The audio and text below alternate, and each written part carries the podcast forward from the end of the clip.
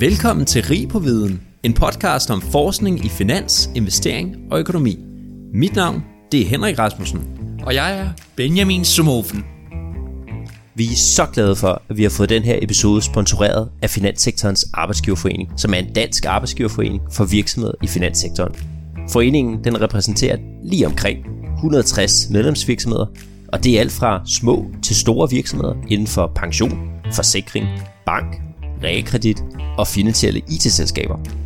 Og derfor så håber vi, at både alle jer derude, men også alle medlemmerne i Arbejdsgiverforeningen, de får stor glæde af vores podcast og den danske forskning. I denne episode af Rig på Viden har vi fornøjelsen af at interviewe en helt central spiller i Danmarks finansielle system, Jesper Bav. Jesper har fingeren på pulsen i mange steder i dansk erhvervsliv. I øjeblikket er han mest kendt som en direktør for Finanstilsynet, men har også bestyrelsesposter i både Nationaløkonomisk Forening, det udenrigspolitiske selskab, Finansforeningen. Sidst ikke mindst så er Jesper Jung professor i finansiering på CBS, og han har udgivet en forskningsartikel, som også danner baggrund for vores interview her i dag. Men først og fremmest vil jeg gerne sige øh, velkommen til, Jesper. Tusind tak, det er en fornøjelse at være med. Og, og Jesper, vil du ikke lige kort fortælle om din rejse her engang? Hvordan du endte med at blive direktør i Finanstilsynet? Jo, det kan jeg godt. Jeg er økonomuddannelse, jeg kan på lidt. Øh, jeg startede i Nationalbanken. I starten af 90'erne begyndte jeg at beskæftige mig med øh, det finansielle system Danmark, og på det tidspunkt fangede det, der hed den nordiske bankkrise. Varde Bank øh, gik ned, Himmerlandsbanken gik ned, og der var problemer, men ikke så store som de andre nordiske lande. Og sidenhen har jeg beskæftiget mig en hel del med det område, også i den europæiske centralbank, og før det faktisk også i Valutafonden, men også sidenhen som konsulent for Valutafonden. Så var jeg bankdirektør i nogle år øh, i, i Nykredit Bank, og så kom jeg til Finanstilsynet. Ja, og nu har du så skrevet den, den her artikel, og modsat lidt tidligere litteratur, som jeg handlede om, øh, hvad kan man sige, hvad man har fundet ud af nyere findings, jamen så har du faktisk opsummeret øh, de sidste fem kriser, hvad man egentlig kunne lære af dem. Og hvorfor har du valgt at lave en historisk baseret artikel? Jamen, det gjorde jeg faktisk øh, før covid ramte, og så da covid ramte, det viste sig jo at være overordentligt relevant, ikke? fordi at, øh, øh, erfaringerne er jo, at, at økonomi svinger, og på et eller andet tidspunkt øh, får man tilbageslag, og det var med det sigte, at den artikel oprindeligt blev skrevet sammen med to kollegaer. Øh, men så fik den jo øh, ekstra relevans, da øh, covid satte ind. Øh, jeg tror på, at, øh, og det viste, synes jeg også artiklen, at de erfaringer, vi havde tidligere, fra tidligere kriser er nyttige i at forstå vores muligheder for at håndtere øh, fremtidige kriser. Ja, og artiklen den hedder Erfaringer fra tidligere økonomiske tilbageslag. Og så kort lige skal opkøre de kriser, som du gennemgår, så er det den første oliekrise, anden oliekrise, den såkaldte kartoffelkur eller EMS-krise, dotcom-boblen, og så sidst men ikke mindst finanskrisen kommer du ind over. Og vil du ikke kort lige for lytterne oprids, hvad er det, den handler om? Hvad er det, I ønsker at undersøge? Det, det helt centrale budskab eller konklusion, det er, at hvor godt man kommer igennem en krise, afhænger øh, i høj grad af, øh, hvor velforberedt man er og velpositioneret øh, økonomien generelt er, og hvordan øh, det øh, finansielle system ser ud. Altså er det tilstrækkeligt kapitaliseret, har det en tilstrækkeligt stærk likviditetsposition. Når man står i krisen, er der ikke så forfærdeligt meget, man kan gøre, men man kan gøre rigtig meget, før man bevæger sig ind i en krise. Og det vi viste var, at øh, i alle de kriser frem til og med finanskrisen, så var enten dansk økonomi dårligt positioneret, eller også var danske finansielle institutioner dårligt positioneret. Og det gjorde, at de kriser gjorde ondt. Det, der adskiller covid-krisen, øh, er, at i covid-krisen øh, og tilbageslaget var både dansk økonomi velpositioneret, før vi gik ind i, i, krisen, og danske øh, pengeinstitutter og danske finansielle systemer også generelt velpositioneret.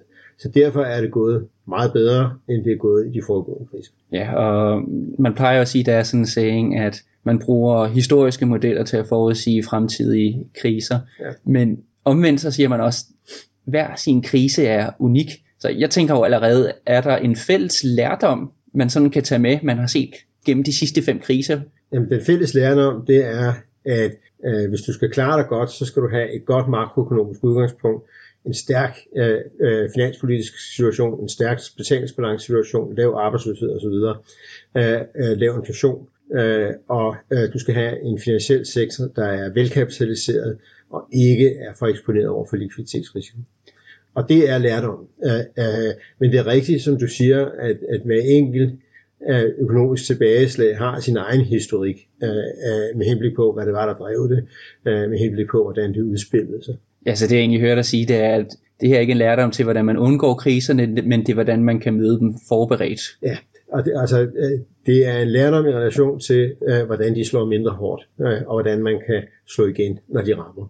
Øh, øh, og det, det, er, det, det er rigtig vigtigt. Øh, man kan ikke undgå i det økonomiske situation, øh, eller det økonomiske system, vi har, at der kommer økonomisk tilbageslag. Det gør der med mellemrum, og de kommer som regel, når man mindst venter dem. Øh, fordi hvis man kunne forberede sig på dem, øh, og, og det, altså på anden måde end, end ved at være velpositioneret, jamen, så vil de jo ikke opstå i samme omfang, som de gør. Mm. Og øh, jamen, jeres artikel den er jo meget øh, pædagogisk til jer, der vil læse den, altså, fordi den gennemgår egentlig de her fem kriser, en efter en, og kommer med nogle, synes jeg selv, rimelig konkrete pointer også. Altså hvis vi skal starte fra den helt øh, tidlige af, hvis vi ser efter depressionen i 30'erne, jamen så kommer ind på nogle rimelig tunge drenge, også nemlig Friedman og Bjørn Bernanke. Og, og der kan man jo ikke undgå at komme ind på pengepolitikken her, ja. så man allerede fra en tidlig start af begynder at sige, at den skal være med til at, at afhjælpe de helt tunge finanskriser og være med til at sætte en, et, et, et låg på trykkæden. Ja. Når... ja, den skal, altså, øh, hvis vi nu starter med, med Friedman, så var han og Anders Schwartz øh, centrale konklusion fra øh, den store depression, der ramte øh, omkring 1930, begyndte 1929 og accelererende ind i 30'erne, at øh, pengepolitikken øh, kunne virkelig øh, ødelægge tingene. Ikke? Altså det der skete var, at øh, da øh, det økonomiske tilbageslag ramte, øh, der øh, lod den amerikanske centralbank øh, pengemængden øh, falde, øh, i stedet for at gå ud og øh, kaste penge ud i systemet og sørge for, at tilbageslaget blev mindre hissigt. Ben Bernanke fulgte så op på det arbejde i, øh, og han var den tidligere amerikanske øh, centralbankchef, og meget også velanskrevet akademiker ligesom Friedman, og fulgte op og sagde, at der var nok nogle flere ting, der også spillede en rolle. Bernanke var blandt andet at sige, at øh, hvis øh, banksystemet øh, lukker ned, øh, så har man et problem. Og det kan man jo tydeligt se, hvis man kigger på den store finanskrise, hvordan Bernanke brugte den læresætning til, at, at banksystemet skulle holde sig oppe i, i, i finanskrisen, snarere end gå ned. Ikke? Og det blev der brugt ubeskriveligt mange penge på, men, men øh, det gjorde, at vi ikke så en gentagelse af den store depression. Bernanke påpegede også, at løn- og prisstivheder og øh, at holde fast i guldstandarden, som gjorde i 30'erne, at, at det bidrog til uh, den uh, meget hårde økonomiske udvikling, som ramte rigtig mange mennesker i 30'erne. Så, så det er sådan det intellektuelle uh, grundlag for uh, meget af den måde, som økonomer tænker på i dag. Ja, så hvis vi lige skal holde fast i guld, guldstandarden, for det var jo dengang, at dollaren, der kunne man veksle x antal dollar for x ounce guld. Ja. Og den siger du, at den kostede dyrt.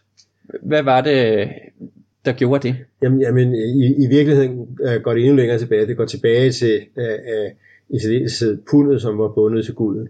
Uh, og, og de uligevægte, der opstod, fordi valutakurserne ikke fik lov til at fluktuere, og fordi man bandt sig til guldet for, for, til en, til en uh, alt for uh, uh, lav pris. Ikke? Altså det vil sige, at, at uh, uh, den indlandske valuta var overvurderet. Uh, og, og det Bananke viste, det var, at at da det her meget store tilbageslag ramte, så de uh, lande, der først uh, frigjorde sig fra guldbindingen klarede sig meget bedre end de lande, der ventede med at frigøre sig. Ja, så egentlig kan man sige, at selvom øh, USA og England ikke havde haft en fast kurspolitik over for hinanden, så når man havde en fast kurspolitik til guldet, ja. så havde man det faktisk indirekte ja. til hinanden. Ja. Og det er så den, man skifter ud, hvis jeg husker rigtigt, til 15 procent, man vil gå op og ned. Ja, det, det er så senere i, ja. i, i, øh, altså i, i 70'erne, øh, i starten af 70'erne, Øh, der kommer så det endelige brud med guldstandarden i forbindelse med, at Bretton Woods-systemet falder sammen, og det er i starten af 70'erne. I, i, der, i, i, i 30'erne øh, er der flere forskellige tiltag, inklusive at man helt ophæver den her paritet til guld. Øh, øh, så, så, så, øh, øh men, men, men man kan, på den måde kan man sige, at når store økonomiske tilbageslag rammer, øh, øh, så er det svært for lande, der er dårligt positioneret og fastholde øh, Øh, en fast valutakurs. Ikke? Øh, og det, det så vi jo der i starten af 70'erne, øh, hvordan øh, gennem hele 70'erne, at øh, valutakursen svingede voldsomt også i, i, i første halvdel af 80'erne, og vi så igen, hvordan euroen var troet i forbindelse med øh, finanskrisen. Ikke? Så, så øh, øh, øh de her store økonomiske tilbageslag rejser i høj grad tvivl om den meget fastlåste struktur, man ellers har en forkærlighed for at opretholde. Mm så nu, øh, nu har vi været lidt under depressionen og 70'erne, og ja. skal vi sige, at vi har fået kridtet banen lidt op nu. Og Jesper, så kunne jeg egentlig godt tænke mig, at vi startede med at tale om den første oliekrise. Ja. Øh, og det her, det var øh, før de helt unge lytterstid. Vi har en del unge lyttere med, ja. øh, in- inklusiv øh, mig selv, er født en del senere end ja. Ja. den første oliekrise her. Så vil du ikke kort fortælle, den skete i 1973 til 75, den første ja. oliekrise. Altså det, det der jo skete, det var, at der blev krig i Mellemøsten, øh, og at øh, øh, øh, OPEC-landene fandt ud af, at, at de kunne bruge øh, olieprisen politisk, og samtidig kunne de også begrænse mængden af olie, så olieprisen steg ganske voldsomt. Det er det, der hedder et udbudschok. Øh, det øh, øh, er noget, som man i eftertiden har fundet ud af, at det kan man ikke gøre så meget med ved at føre en efterspørgselsstimulerende økonomisk politik. Men dengang troede samtlige økonomer, der var noget ved musikken, at det bare var et spørgsmål om at sætte tryk på spinerne, inklusive i Danmark. Øh, øh, og det gjorde jo, at øh, vi fik nogle enorme betalingsbalanceoverskud, vi fik højere inflation, og, og øh, fra at have rigtig gode offentlige finanser, så bevægede vi os ud i at have dårlige offentlige finanser.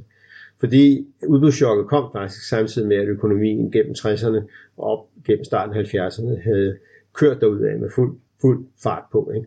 Så øh, øh, efter, eller efter kritikken vil nok være, at man skulle have accepteret øh, det fald i levestandard, som de højere oliepriser medførte, og hurtigt har tilpasset sig til det. Men det ville man ikke, det var man ikke indstillet på, og den økonomerne foreslog det heller ikke. Øh, det er en erkendelse, der i højere grad er kommet senere. Øh, det, der øh, hjalp dengang, det var, at banksystemet faktisk på det tidspunkt havde det ret godt. Så vi fik ikke en finansiel krise oveni, hvor banker gik ned og kreditgivningen blev begrænset. Og det gjorde vi heller ikke anden gang, øh, oliepriserne begyndte at stige. Øh, men der var dansk økonomi helt ude i tårne. Det var øh, øh der omkring, hvor øh, Knud Heinesen sagde de berømte ord om, at øh, øh, vi var ikke ved afgrunden, men vi havde kurs mod den, og vi kunne muligvis se den. Jeg kan ikke helt huske det præcise citat, men det var noget af den dur. Mm. Jamen så lad os lige prøve at holde fast i, i det her også, fordi du siger, at det handler om, at hvis det er udbuddet, der ændrer sig, jamen så kan man egentlig ikke rykke efterspørgselskurven. Altså allerede for HHX-tiden af, så lærer man jo bare, at ja. man skal finde en krydse mellem udbud og efterspørgsel, ja. men, men der kan så være nogle rimelig store konsekvenser ved at, ja. at rykke den forkerte kurve. Ja, altså problemet er jo, at, at, at øh, sådan øh, udbuds- og efterspørgselskurve, ikke? at at hvis uh, udbudskurven uh, rykker sig opad, så har man allerede højere priser eller højere inflation. Ikke? Og hvis man så yderligere banker efterspørgselskurven derudad, så får man endnu højere inflation. Ikke? Og så får man et problem. Uh, og det var det, man oplevede i 70'erne. Uh, uh, og, og det blev der først taget hånd om uh, omkring uh, slutningen af 70'erne, og, og uh, ham, og det kan man i høj grad tilskrive en enkelt person, der for alvor tog hånd om det, det var den amerikanske centralbankchef Paul Volcker. Uh, uh, men det kostede også på arbejdsløshed. Det koster ubeskrivende meget at komme tilbage, når man først har fået sådan en inflationært forløb. Så arbejdsløsheden steg ganske voldsomt i USA i løbet af 80'erne og i Danmark øh, hele vejen sådan set op til øh, starten af øh, 90'erne, hvor den toppede. Øh, øh, og bare på over 300.000 mennesker. Så øh, det her det er så et, et udbudschok, og den siger ja. du så, at det må vi acceptere. Det må man acceptere, men, man bliver fattigere. Men hvad, hvad så med efterspørgselschokket? Det er så her, at vi kan gøre noget. Hvad, hvad kunne være et eksempel på det? Jamen, men et efterspørgselschok, øh, øh, er jo sådan et eksempel på, hvor at øh, efterspørgselen pludselig falder af den ene grund, eller den anden grund. Folk mister tilliden. Man kan sådan set sige, at, at selvom det er svært at finde rene eksempler, så er finanskrisen et meget godt eksempel. Ikke? At der blev folk rystet over, hvad der skete på de finansielle markeder. Samtidig øh, øh, så øh, øh, var der en kreditklemme, og det gjorde også investeringerne faldt, forbruget faldt. Øh, øh, og det er sådan noget, man kan modvirke øh, øh, ved øh, efterspørgselsstimulerende politik. Ikke? Og det bliver også gjort i stort omfang, og det bliver gjort i endnu større omfang nu her i forbindelse med covid-tilbageslaget, selvom der er betydelige elementer af udbudschok, også i covid-tilbageslaget. Yes. Jamen skal vi ikke sige, at det var ordene her for første oliekrise? Ja. Fordi øh, 70'erne, det var et tragisk år, fordi der var, kom ja. jo faktisk to kriser, og der ja. kom en anden ja. oliekrise, og det var, den skete så fra 79 til 81, ja. så fire år efter den første var slut. Ja. Og, og det der egentlig øh, kendetegnede den også, det var, at der kom øh, anden bølge her af ja. olieprisstigninger i en periode, hvor at inflationen var afsindig høj. Ja. Og hvad, hvad er læresætningen her? Jamen, det er sådan set et eksempel på, hvor Danmark intet havde at skyde med. Ikke? Fordi vores betalingsbalance, vores offentlige finanser var helt forfærdelige. Ikke? Øh, det er også eksempel på, øh, øh, som, som mange af de andre forløb, hvordan meget af det, der sker i forbindelse med økonomisk tilbageslag, er noget, der kommer udefra, men hvor vores egen forberedelse spiller en kæmpe rolle. Så øh, øh, vi havde ikke noget at stå imod med. Øh, vi kunne bare tage tævne. Øh, og det medførte jo også en erkendelse i dansk økonomisk politik, øh, som manifesterede sig ved regeringsskiftet i 82, hvor man gik over til at stramme de offentlige finanser. Man gik over til at prøve at føre en, en stabiliserende fastkurspolitik ikke? efter nogle meget store devalueringer øh, op til da, som gjorde, at man konkurrencemæssigt var kommet i en bedre situation, så man kunne tåle den der fastkurspolitik. Øh, øh, så, så, så det var øh, øh, øh forløbet der, øh, og som sagt, det internationale var karakteriseret ved, at øh, øh, USA lagde pengepolitikken fuldstændig om. Ikke? Renten var jo oppe i over 20 procent øh, i dansk realkreditobligation. Ikke? Øh, inflationen var meget høj, øh, og så pludselig skulle den ned ad bakke, øh, øh, efter at, at det her var lykkedes, og inflationen var slået ned. Men det krævede og kostede voldsomt meget på arbejdsløshed. Ja, så de høje renter. Ja. Øh, Paul Volcker han indførte det, ramt også Danmark, Ja. og det havde vi slet ikke økonomisk polstring til. Nej. Yes. Men igen havde bankerne det faktisk forbløffende godt. Man begyndte at se nogle tab og nedskrivninger, men de havde det faktisk relativt godt. Vi kørte hele vejen op til starten af 90'erne med nogle efter international standard meget høje kapitalkrav. Og vi havde nogle fremadrettede nedskrivninger i bankerne, som gjorde, at der også var buffer til at tage tab. Ikke? Og det gjorde, at øh, vi i første og den anden oliekrise, og også i et vist omfang i den nordiske øh, øh bankkrise i forbindelse med kartoffelkuren, slag rigtig godt igennem det for vores bankers vedkommende, men ikke så godt for realøkonomien. Og når du siger vi, er det her i Danmark? Det er her i Danmark, øh, øh, fordi øh, der var ikke i samme omfang øh, polstring i øh, en række af de andre lande. Øh, så man oplevede nogle, nogle ganske voldsomme finansielle kriser. Øh, øh, man så det i forbindelse med rentestigningerne i en masse udviklingslande, som havde øh, taget lån i, i udlandet. Hele Latinamerika var, var, var stærkt presset.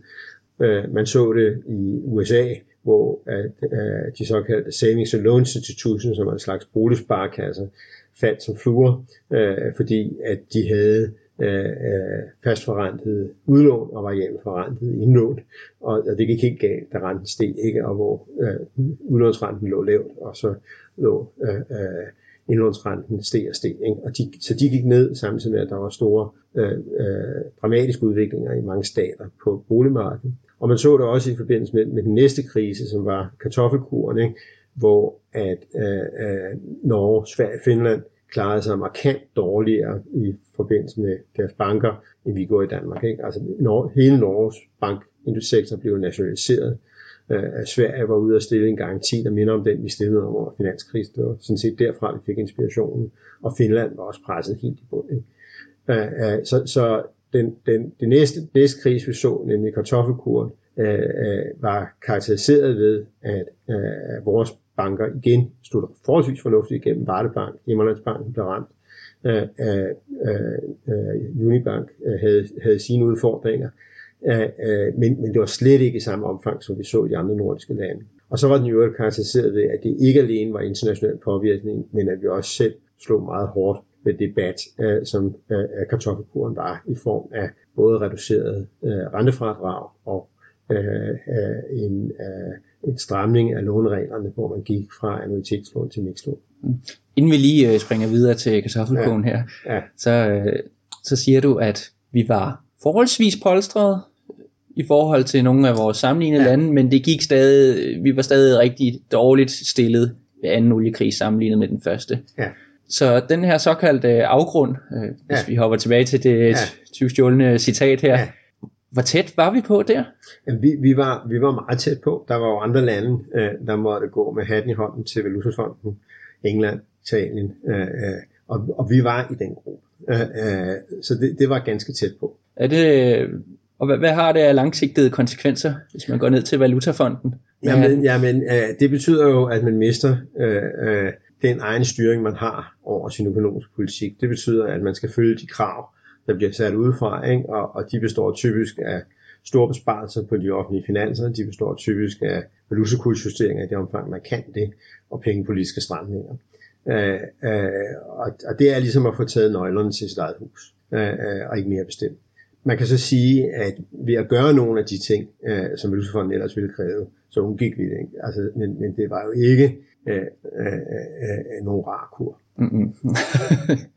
Nej, jeg kan heller ikke lige komme på en umiddelbar rar kur øh, og skulle udsætte øh, mig selv for, eller andre. Nej. Men, øh, nej, jeg kan godt se øh, nøgleeksemplet. Nå, men øh, nu får du lov. Nu Ja. kommer kartoffelkuren. Ja, Nu skal vi ind og, og tage den. Jamen, I kartoffelkuren, altså der øh, var jo en, en, en erkendelse af, at øh, boligpriserne var ved at køre fra os. Økonomien gik rigtig hurtigt. En af de overraskelser, der var, var jo det voldsomme rentefald, der kom, øh, efter vi havde været nødt til at banke renten op i over 20 procent, øh, øh, som jo øh, virkede ekstremt ekspansivt. Og øh, øh, samtidig øh, så skred betalingsbalancen igen. Øh, Så der var et, øh, et behov for, at følge mange, at gøre et eller andet, og ret strukturelt også op på dansk økonomi, efter nogle af de tiltag, der virkelig havde flyttet dansk økonomi i starten af 80'erne, øh, øh, at, at følge op på dem. Ikke? Her tænker jeg på blandt andet på afskaffelse af dyrtidsregulering og de store finanspolitiske øh, indgreb. Øh, så øh, var der også en, en, en, en rigtig opfattelse af, at strukturelt havde vi et problem med en for stor rentefradragsrent, som gjorde, at danskerne brugte øh, øh, øh, flere penge. Der var et incitament til at bruge snarere at spare op. Øh, og det begyndte man så at tage hånd om og nedsætte rentefradraget. Og da man ikke syntes, det gik stærkt nok, øh, jamen så ændrede man også på øh, øh de realkreditlån, øh, som man kunne optage. Dengang var det sådan, at der eksisterede øh, øh, øh, rentetilpasningslån ikke, og afdragsfrihed var også en by i Sibirien. Man kunne vælge mellem at betale lidt i afdrag til en fast, og have en fast rente, eller betale mere i afdrag. Øh, af, af, det var de såkaldte annuitetslån og serielån. Og der indførte man så, at man kunne ikke bare tage annuitetslån, men man skulle tage det, der hed mixlån, som var en blanding af de to. Og så øgede øh, byrden øh, ved at låne ganske betragteligt. Og kombinationen af den øgede byrde øh, med af, af, af skattereformer øh, nedsættelse af rentefradrag, og så at vi i vores økonomiske cyklus lå anderledes end Tyskland, som øh, øh, fik øh, genforening og dermed en meget stor ekspansion, øh, gjorde, at vi øh, blev slået voldsomt ud af kurs, og vi nåede den største efter, øh, arbejdsløshed efter krigstid. Øh, vi var ikke alene øh, i det selskab. Ikke? Det, øh, der var mange andre lande, der heller ikke kunne holde sig hjem. Sådan England øh, øh, et eksempel. Ikke?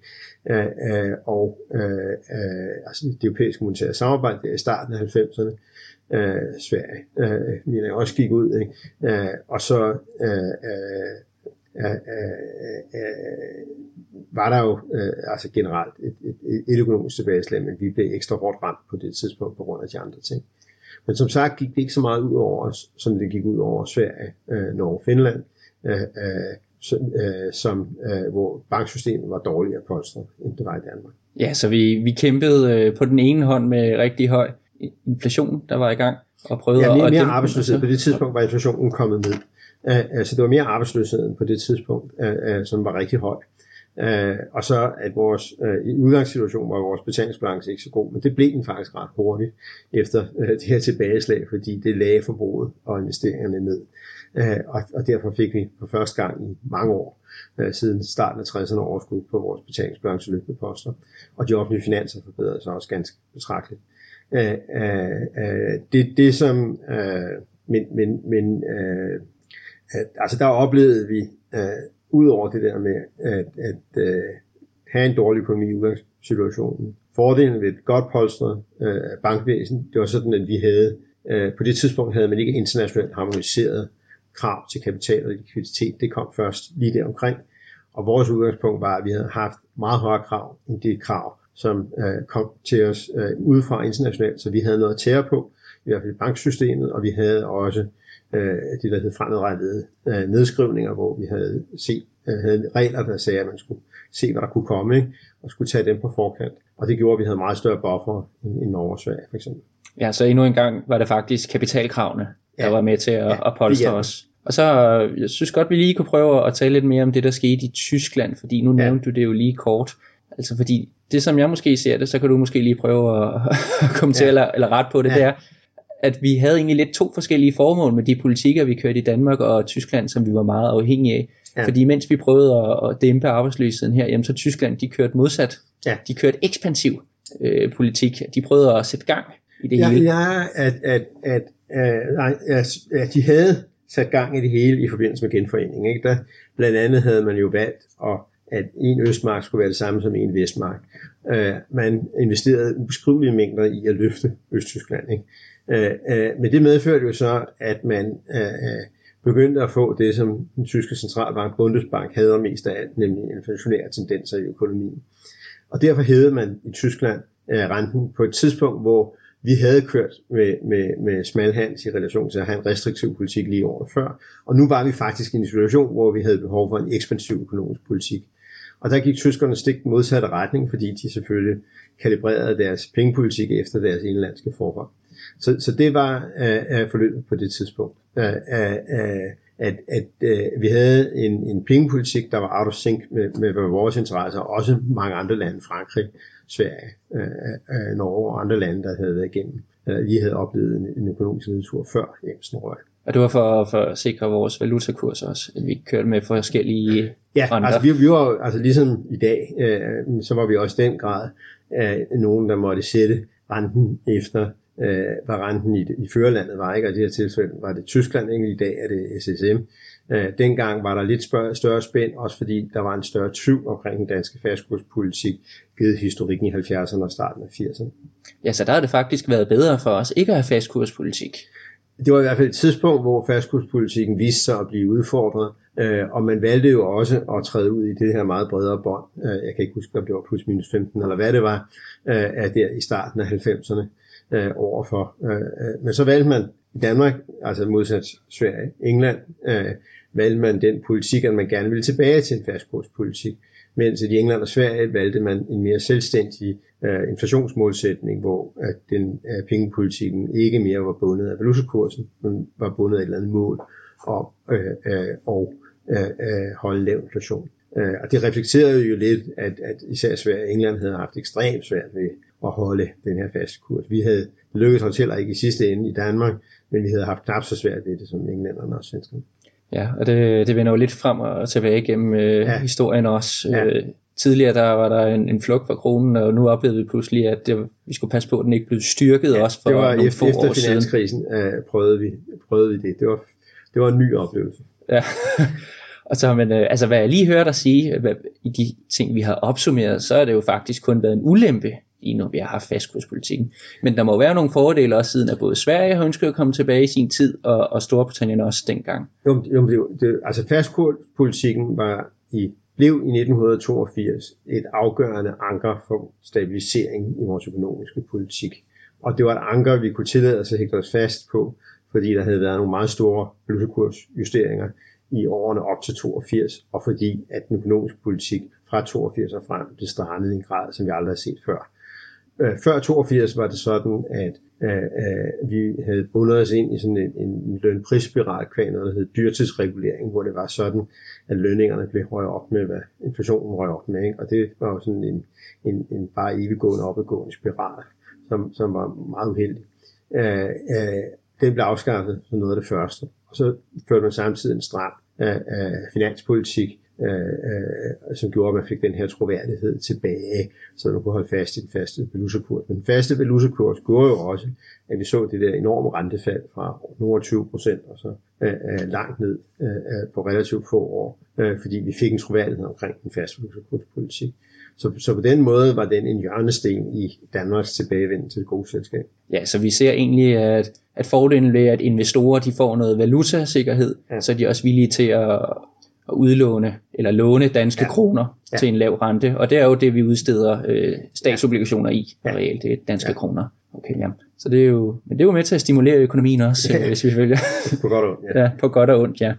Så, øhm, så har vi jo den næste krise. Nu er vi så krydset over tusindskiftet, og det var jo dot-com-boblen, og den ramte jo lidt anderledes. Det var jo, øh, det var jo øh, teknologiaktierne her, der steg øh, eksplosivt i ja.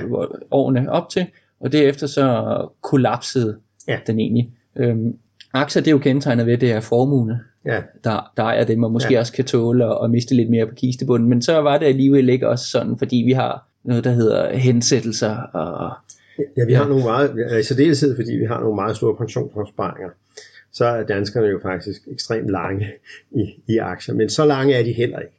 Altså det gælder generelt i Europa, at øh, aktiemarkedet spiller en meget mindre rolle end, øh, øh, end, end bankerne gør. Kapitalmarkederne er ikke nær så vigtige som bankfinansiering. Jeg tror, at, at balancen øh, øh for de europæiske banker i procent af BNP eller EU-bankerne er noget med faktor 3 af, hvad den tilsvarende balance i USA er. Ikke? I USA er kapitalmarkedet meget vigtigere som finansieringskilde, både erhvervsobligationer og aktier. Øh, I Europa øh, er vi mere bankorienterede. Øh, Øh, og det er skyldes nogle historiske forhold, noget lovgivning og mange andre ting. Men men opfattelsen der, da dotcom-boblen ramte, var jo initialt, at det her kommer til at gøre ondt. Ikke? Øh, og så oveni fik man 9-11 og en række regnskabsskandaler.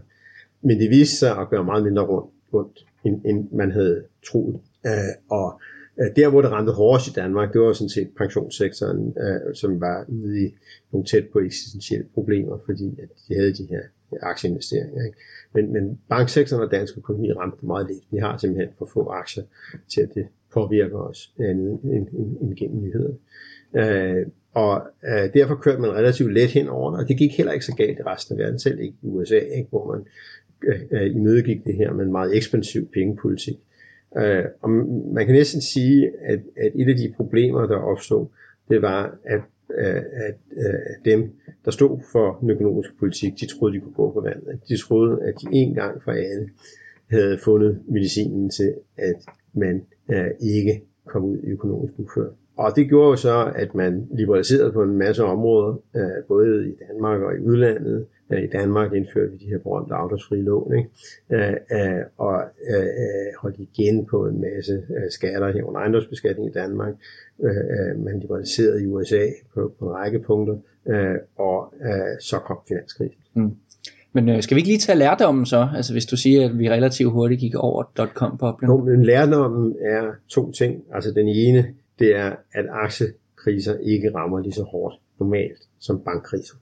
Og den anden øh, øh, læresætning, øh, det er, at man skal ikke tro, man kan gå på vandet, fordi man er kommet glat igennem en krise. Ikke? Øh, øh, øh, man skal ikke sænke sin parader. Ja, og taler, er det her, øh, er det myndighederne, der ikke skal tro det, eller er det virksomhederne, der skal tage sidste? Det er begge dele. Ja. Altså det er, det er både myndighederne øh, og de finansielle virksomheder, øh, som øh, skal lade være med at blive overmodige. Ja, og hvor, øh, hvor så du den bold lå dengang i dot-com-boblen? Jamen det var mere, at, at da man gik ud af dot-com-boblen, ikke? altså selv meget fornuftige og dygtige mennesker, Alan Blinder, der var nummer to i Federal Reserve på det tidspunkt, sagde, nu har vi fundet ud af, hvordan vi håndterer det der, at vi får aldrig en bankkrise igen. Ikke? Og så øh, øh, øh, lidt mere end fem år senere, så ramte det med et brag. Ja, det, det tror jeg alle kan være enige i at, ja. at betragte.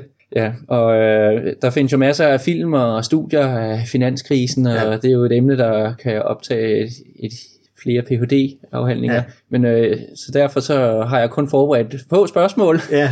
øh, til dig angående det. Altså det er jo også en artikel, skal heller ikke fylde for meget. Det Nej. er ikke en bog. Så øh, skal vi ikke lige kort tage her. Finanskrisen, øh, ejendomspriser, boble, den sprang, og ja, det tvang bankerne i krig. Ja. Det her var virkelig en bankkrise. Ja, altså det var den perfekte storm, ikke? hvor at det makroøkonomiske setup øh, øh, øh, øh, lagde op til Øh, at, øh, øh, at man bare kunne tage større og større risici, uden at det havde konsekvenser. Øh, det finansielle system øh, var givet i bogstavelse forstand mere og mere ekstremt, og der var en masse konstruktioner, der var, var sat op nærmest til at fejle, og alle de kontrolmekanismer, man havde, at de kiksede. Både i institutioner, i myndigheder, i tilsyn, i centralbanker, så øh, øh, det var alle tre ting, der, der øh, gik helt galt. Ikke? Altså, og det gjorde jo, at man fik øh, det på det tidspunkt største tilbageslag i efterkrigstiden, og det varede jo i rigtig lang tid. Øh, øh, dem, der kom bedst ud af det hurtigst muligt, det var USA. Det var blandt andet på grund af førnævnte Bananke, øh, som havde studeret, hvordan man håndterede de her ting. Ikke? I Danmark øh, blev i Danmark blev vi ramt af, at øh, vores øh, finansielle system øh, øh, var blevet meget svækket, både af implementeringen af de internationale bankregler i Basel 2, men også af, at vi var gået væk fra fremadrettede nedskrivninger. Øh, øh, og det kostede os dyrt. Øh, øh, øh, sammenlignet med krisen i starten af 90'erne klarede vi os markant dårligere end Sverige og Norge. Øh, vi var hjulpet af, at vores finanspolitiske udgangspunkt var godt. Øh, øh, vi kom ikke ind i noget, der lignede den gældskrise, som en række sydeuropæiske lande gjorde. Øh, vi slap øh, med nogle få hårdsbredder fra, at vores banksystem faldt helt igennem, men vi var derude for offentligheden, den offentlige myndighed om at give en garanti på to gange BNP. Ikke? Øh, og hvis den havde manifesteret sig i tab, øh, øh, så øh, kunne vi have været blevet Island eller Irland. Ikke? Ja, så det var ikke nøglen til huset, men nøglen til garagen, vi lige ja. øh, gav væk der. Ja. Øhm. Men, men den var jo også en illustration på, altså som, som alle de andre kriser, at de store ulykker, de vælter ind over os udefra. Ikke? Og, men at det Øh, øh, at, at vi ligesom kan vælge, hvor høje vi bygger dierne. Ikke? Og der er to steder, man skal bygge dierne. Det ene er omkring øh, realøkonomien og de offentlige finanser, og det andet er omkring pengeinstitutterne. Ja, så egentlig noget af den lærdom, man havde fået fra 70'erne af, med at man skulle være velpolstret, der havde man begyndt at komme i et nyt paradigme, og sagde, ah, ja. det er ikke nødvendigt længere, og så kom der alligevel lidt tilbageslag, og ja. den samme konklusion kom frem igen. Ja, altså forskellen var som sagt, at, at de offentlige finanser havde det meget bedre, det havde man styrket siden 82 og frem. Vi havde et betalingsbalanceoverskud, vi havde lav inflation, lav arbejdsløshed, men, men tingene var ligesom gået for stærkt. Vi havde boligpriser, der steg mere end nogen som helst andre steder, og øh, man kunne læse i Economist, hvordan Danmark hele tiden lå i spidsen på det felt, ikke? Hvis man sammenlignede priserne med, hvad de var i New York eller i Schweiz eller andre steder, så kunne man blive overrasket. Ikke? Så, så, øh, og bankerne havde i den grad øh, finansieret sig i udlandet, og var meget følsomme over for likviditetschok. De troede, de kunne gå på vandet, de troede, de havde styr på risikostyringen, og det hele det viste sig, det havde de ikke. Og der måtte udspændes et sikkerhedsnet, som vi aldrig nogensinde har set før. Men øhm, hvis du siger, at krisen den kommer udefra hver gang, og vi er nogle dukse i klassen, ikke det ord har du brugt, men, men øh, bliver det så ved at blive ved med at øge reguleringerne også, hvis, hvis vi alligevel ikke selv kan håndtere det? Jamen det nej, vi, vi, kan ikke, vi kan ikke undgå en krise, der kommer ud fra. Vi er en del af en international økonomi. Og økonomier, de kører i cykluser. Det er en af de få sikre ting. Det er, at vi får økonomisk tilbageslag. Men, men det vi kan gøre, det er at bygge diger, der gør, at når de der bølger kommer ind over os, når den perfekte storm er der, at, at så skyller de os ikke væk. Øh, øh, og Øh, det det øh, øh, må vi ikke glemme. Vi må ikke slække på reflekserne. Øh, øh, og det er måske den største fare øh, ved det her covid-scenarie, det er, at vi agerer ligesom mange agerede i forbindelse med dot-com-boblen, at så var det heller ikke værd. Altså, at vi kunne klare det, ikke? og hvorfor behøver vi de her krav? Hæmmer de ikke vores konkurrenceevne og alt muligt andet? Øh, øh, og pengeinstitutters konkurrenceevne. Og alt viser, at, øh, at, at det faktum, at vi kom så godt igennem, det, det skyldes, at vi var så vel forberedt, og vi var så vel positioneret. Øh, du kan ikke undgå bølgen, der rammer dig, men du kan undgå, at det skyller dig væk. Ja. Nu har vi talt lidt om de her diger og fastkurspolitik, ja. og vi har jo en, en stor øh, engagement i EU. Ja. Binder det os også til at lave nogle diger i forhold til, hvis nu vi havde været et, et land ude for eurozonen? Altså du, du kan sige, at, at i dag lever vi jo lidt i et papirløst ægteskab, ikke? Øh, fordi vi har bundet vores valutakurs øh, øh til euroen uden øh, at, at, at øh, vores øh, ægteskab er blevet forsejlet i kirken ved, at vi er gået ind og har overtaget euroen som valuta. Ikke? Øh, og, og det giver nogle, altså ligesom alle andre valg i livet, så giver det nogle fordele, og det giver nogle ulemper.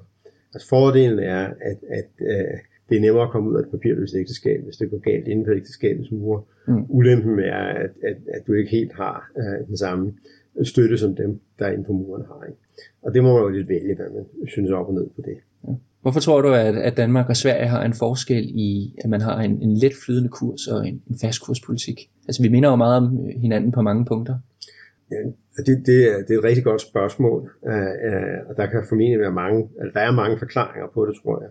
Uh, samtidig med, at man heller ikke skal glemme, at, at forskellen i valutakurspolitik formentlig også har skabt en, en forskel i den erhvervsstruktur, vi har. Uh, Sveriges uh, erhvervsstruktur er jo karakteriseret af meget mere tung øh, industri. Øh, Sverige, øh, Sveriges økonomi er jo bygget op over, at, at de havde kul og, kul og jern, ikke? og øh, kunne udvikle stål og har de her store industrivirksomheder. Danmark har aldrig haft kul og stål og store industrivirksomheder på samme måde. Øh, vi har mere været en handelsnation, og så har vi nu udviklet noget medicinalindustri. Øh, øh, og det, det gør lidt en forskel på, øh, øh, øh hvordan man, man ser ud. Ikke? Vi har været gode i Danmark til at flytte ressourcerne rundt øh, til det, hvor der er flest penge i det, og derfor har vi måske ikke haft det samme behov for øh, gennem valutakurspolitikken at understøtte tung industri, som svenskerne har haft, fordi de ligger nu engang der, hvor de gør erhvervsmæssigt. Det kunne være en af forklaringerne. En anden forklaring er, at Sverige vil altid have opfattet sig som et større og mere selvstændigt land, end Danmark har. Ikke? Øh, øh, og hvor at vi i Danmark øh, har haft en tilbøjelighed til at, at finde ud af, øh, øh, hvem kan beskytte os. Ikke? Og, og øh, øh øh, i mange år og årtier øh, øh, har det været Tyskland. Det er kun gået galt to gange i 1864 og 2. verdenskrig. Ikke?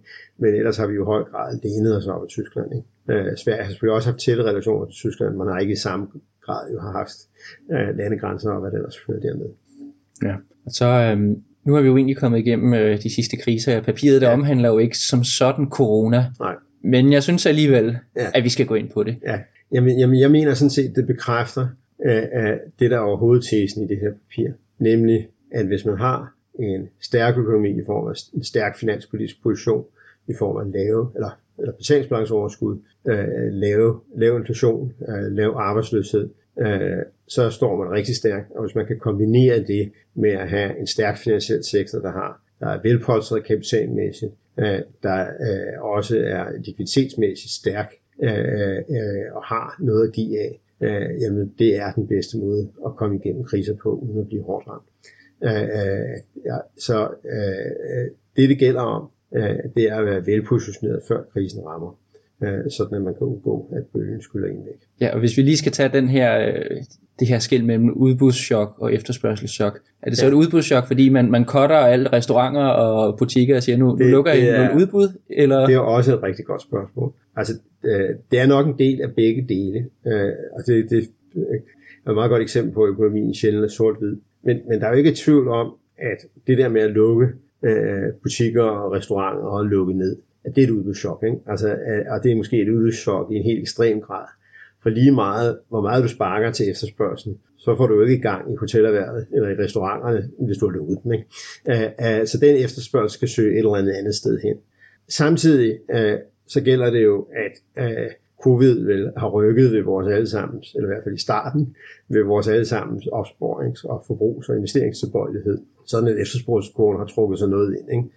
I øjeblikket virker det jo som om, at, at, øh, øh, den der efterspørgselskurve er ved at bange øh, ud igen. Ikke? Altså at, at øh, det, øh, hvis man kigger på boligmarkedet og nogle af de luksusmarkeder, man har adgang til, ikke? Altså, så øh, øh virker det som om, at, at folk bruger rigtig mange penge. Ikke? Øh, øh, så det skal vi også være opmærksom på, at, at den del, som vi troede var øh, altså bare et efterspørgselschok, og det virker som om, at det har reverseret sig selv, og det kan selvfølgelig hænge sammen med, at de offentlige finanser har været ekstremt ekspansive. Ja, så, så hvis der er, der har været et efterspørgselschok også, så siger teorien jo, at det skal vi gå efter. Det har vi også, med fuld hammer. Yes. og muligvis endda med en hammer, der har banket økonomien for langt hen, men det må vi se. Altså det, der er i hvert fald tegn i boligmarkedet og andre steder på, at tingene går rigtig stærkt. Jamen skal vi ikke sige, at det var ordene for i dag? Jo. Tak fordi du vil være med. Tusind tak fordi jeg måtte være med. Tak fordi du lyttede med til Rig på Viden. Vi håber, du blev klogere og vil lytte med en anden gang. På genhør.